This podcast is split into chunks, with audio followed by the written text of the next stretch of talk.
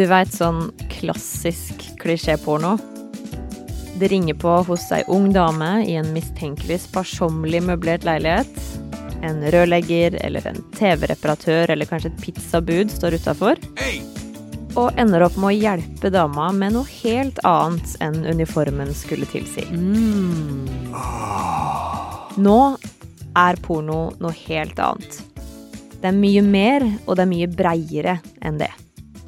Det fins kategorier for all slags ønsker og fetisjer, om du vil se tegna figurer, analsex, store mennesker, mange mennesker på en gang, kostymer eller helst hjemmelagde videoer.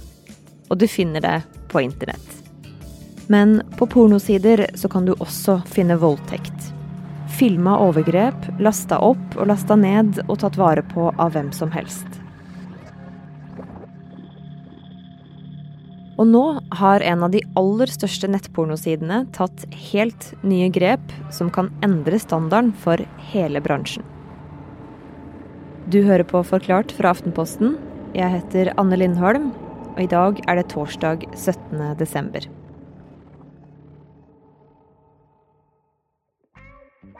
Pornhub.com insights. Og det mest søkte i Norge er Norwegian. Morten Schwenke blar nedover lista over de vanligste søkeorda på Pornhub i Norge. Nest etter Norwegian er MILF. Så kommer lesbien, norsk, hentai, massasje, anal, big ass, public, threesome. Morten er kulturjournalist i Aftenposten.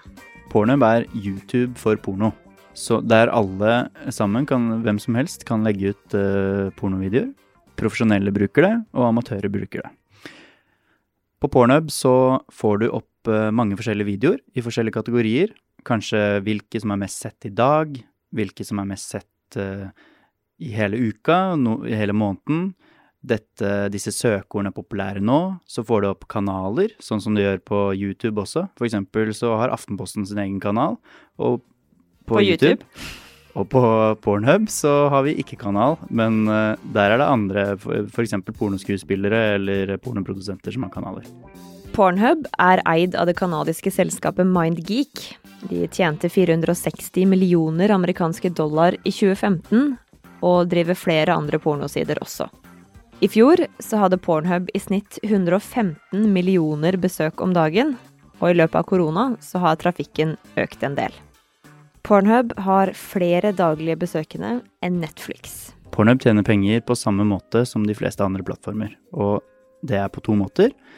Det første er abonnementer, og der betaler folk direkte for innholdet gjennom abonnementstjenester. Og det andre er reklame. Og Pornhub er faktisk en av verdens største nettsider for reklame. Det er eh, svimlende tre milliarder annonser som vises på Pornhub hver dag. Så det er en helt enorm annonseplattform, og det ligger det veldig mye penger i. Og hvis de så mange, viser så mange annonser, så regner jeg med at de har mye innhold òg. Hvor kommer det innholdet fra? Det innholdet produseres av eh, profesjonelle pornoprodusenter, og veldig mye av det produseres også av amatører. Eller så legges det ut av eh, utenforstående som publiserer innhold som andre har laget uten deres tillatelse. Og det er den typen innhold som har gitt Pornhub trøbbel i det siste. For det finnes mange former for overgrep. Nettovergrep der noen f.eks. tvinger eller lurer deg til å sende bilder og filmer av deg sjøl. At noen deler bilder videre som ikke var ment for andre. Eller noe av det groveste innholdet. At noen ikke bare voldtar deg, men filmer det og legger det ut på nett på en side hvor millioner av folk kan se det, laste det ned og dele det videre. Pornhub har hatt noe sånt innhold, Men det er vanskelig å se utenfra bare ved å bedømme selve videoen om eh, man har fått eh, nummer én eh, tillatelse til å publisere eh, videoen i seg selv, og nummer to om det som skjer på videoen er frivillig eller ikke, eller om det f.eks. er gjort med tvang. Hvorfor veit man ikke det? Det er fordi det videoene som legges ut, de eh, kan legges ut av hvem som helst, og det finnes ingen gode mekanismer for å kryssjekke identiteter. Ikke for å kryssjekke om de får betalt eller ikke, og om de har gitt tillatelse. Det vet man altså ingenting om. Så hva er det anklagene mot Pornhub går ut på, da?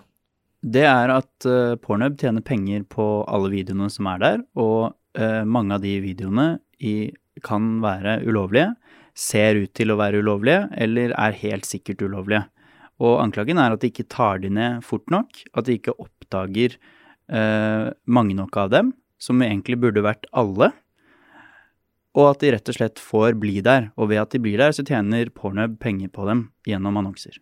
Hva svarer Pornhub til det, da? De har i stor grad avvist kritikken. De har sagt at uh, de som anklager dem, mangler bevis. Og da begynner det å ligne veldig mye på en voldtektssak i en, uh, i en rettssal, der det i stor grad blir ord mot ord, hvor man prøver å sannsynliggjøre at uh, f.eks. Uh, en video er en video av en voldtekt, og at det ikke er skuespill. De sier også at de har mange mekanismer allerede som skal stoppe ulovlig innhold. De viser til svært avansert teknologi, og den skal være langt over det de kaller bransjestandard. Altså, de sammenligner seg selv med andre og sier at uh, vi er uansett bedre enn de andre pornosidene. Um, og så sier de at uh, kampen mot ulovlig innhold, det er noe alle tech-selskaper jobber med, og det er en kamp uh, de også må ta. Men de tenker at dette er ikke noe verre hos oss enn hos andre selskaper som har mye mer innhold heller så er det bedre hos oss enn andre steder. Og her har sider som Pornhub en litt annen utfordring enn andre selskaper. For YouTube, Facebook og andre, de kan bruke et verktøy som for pornosider er helt ubrukelig. En veldig stor fordel for Facebook f.eks. er at de kan si at alt innhold som, er, som viser nakenhet, uh, det kan vi ta ned med en gang. Det er forbudt hos oss. Men hos Pornhub så er det hele businessmodellen å vise mest mulig nakenhet, så de kan ikke ta ned alle videoene som viser nakenhet. Sånn at de uh, gjenkjenningsprogrammene som skal ta det, de fungerer ikke for Pornhub, de må bruke andre metoder. Og de metodene har vist seg ikke å være gode nok. Men de siste ukene så har det skjedd ting.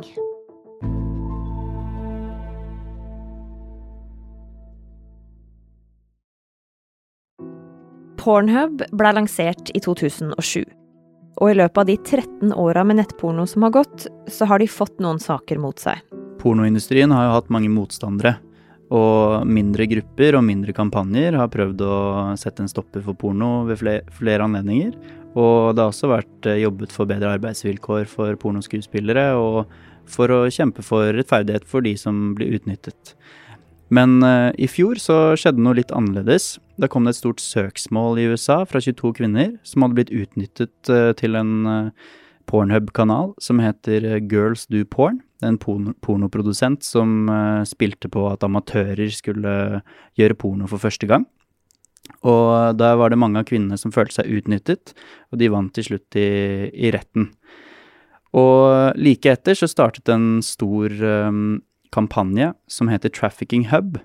Trafficking, det betyr jo da menneskehandel, og hub spiller mot uh, Pornhub. Så uh, poenget var å uh, vise at Pornhub driver med Viser videoer der folk blir utnyttet, og tjener penger på det. Og kravet fra Exodus Cry, som er organisasjonen som startet det, var at Pornhub måtte legges ned. Og i løpet av koronakrisen så skjøt denne eh, kampanjen veldig fart. Eh, da vi skrev om dette i april, så hadde den 800 000 underskrifter, og i dag så har den 2,1 millioner underskrifter. Så dette er noe som har spredd seg mye rundt, og det har spredd seg en bevissthet rundt eh, de videoene som burde vært tatt ned fra Pornhub, men som ikke blir tatt ned. Og det kommer stadig flere eksempler på det.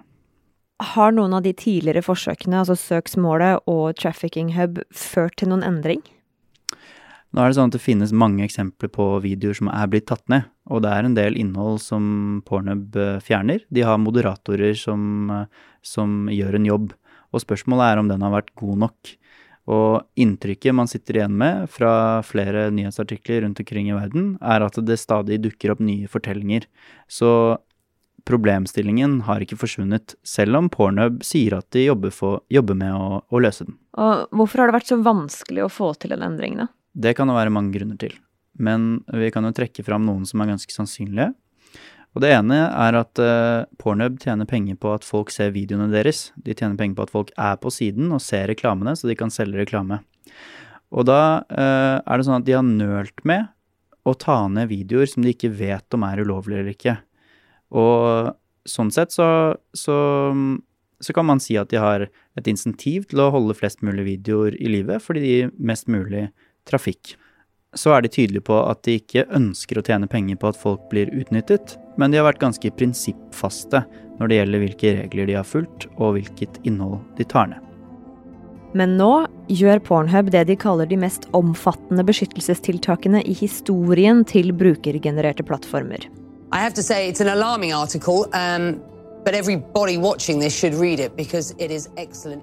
Og alt det starta søndag 4. desember. Det har kommet en stor artikkel fra en av New York Times sine mest anerkjente kommentatorer, Nicholas Kristoff. Artikkelen heter The Children of Pornhub. Som er en grundig gjennomgang eh, av eh, denne problemstillingen på Pornhub særlig, men også i pornobransjen generelt, på internett generelt.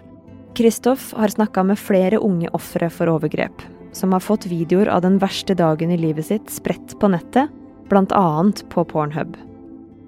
En av dem er Callie. Hun forteller at hun ble adoptert til USA fra Kina, og tvunget av adoptivfamilien til å være med i overgrepsvideoer fra hun var ni år gammel. Noen av filmene endte opp på Pornhub, og sjøl om de blei tatt ned, så har de dukka opp igjen og igjen, forteller hun nå som 23-åring. Flere av de andre kvinnene som Kristoff har snakka med, forteller hvordan opplevelsene deres med å få sexvideoer spredd på nettet har ført til store problemer i ettertid. Problemer som selvskading og til og med selvmordsforsøk. Det er såpass mye gjennomslagskraft i den artikkelen og i det mediehuset at det startet en ganske stor debatt i USA. For i tillegg til å fortelle historier, så kom Kristoff også med tre konkrete forslag til å gjøre saken bedre. De var 1. Å bare la verifiserte brukere få legge ut videoer. 2. Forby nedlastninger.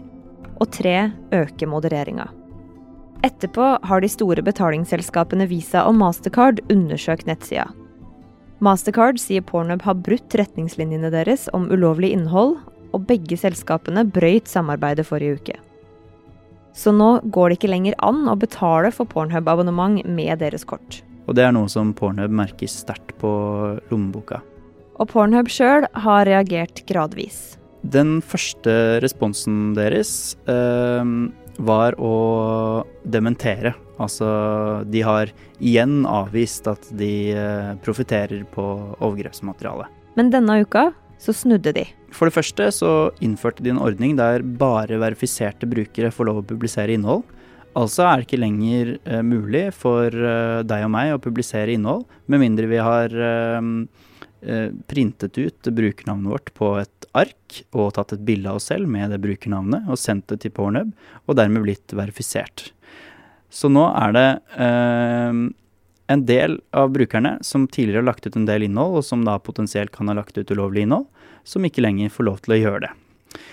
Så eh, like etter kom det et eh, veldig mye større steg. Eh, da gikk de dit hen at de fjernet alt innhold som er publisert tidligere også, fra ikke-verifiserte brukere.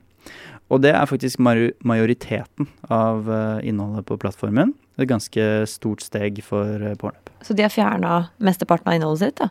Ja, godt over halvparten, faktisk.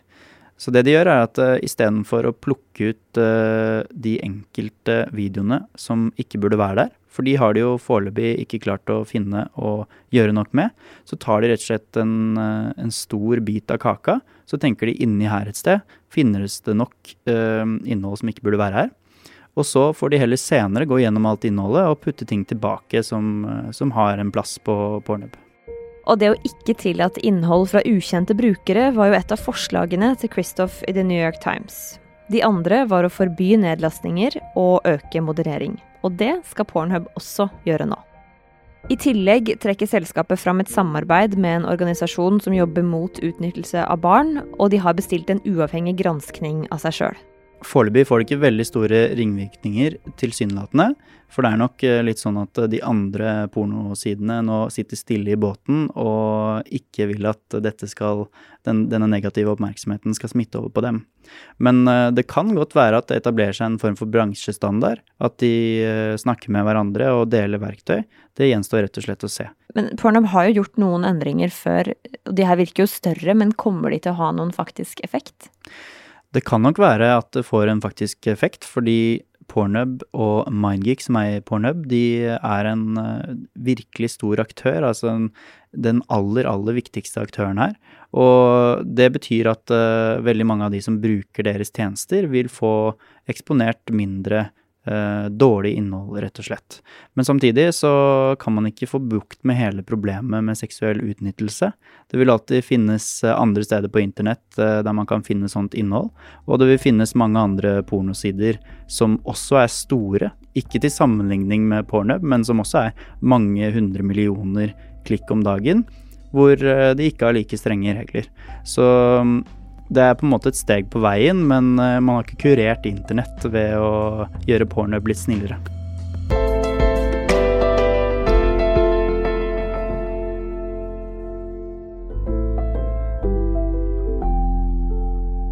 Denne episoden er lagd av produsent David Vekoni og meg, Anne Lindholm.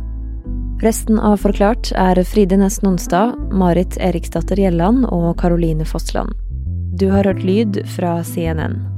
Hvis du har blitt utsatt for overgrep og trenger noen å snakke med, så kan du ringe hjelpetelefonen for seksuelt misbrukte på 800 57 000.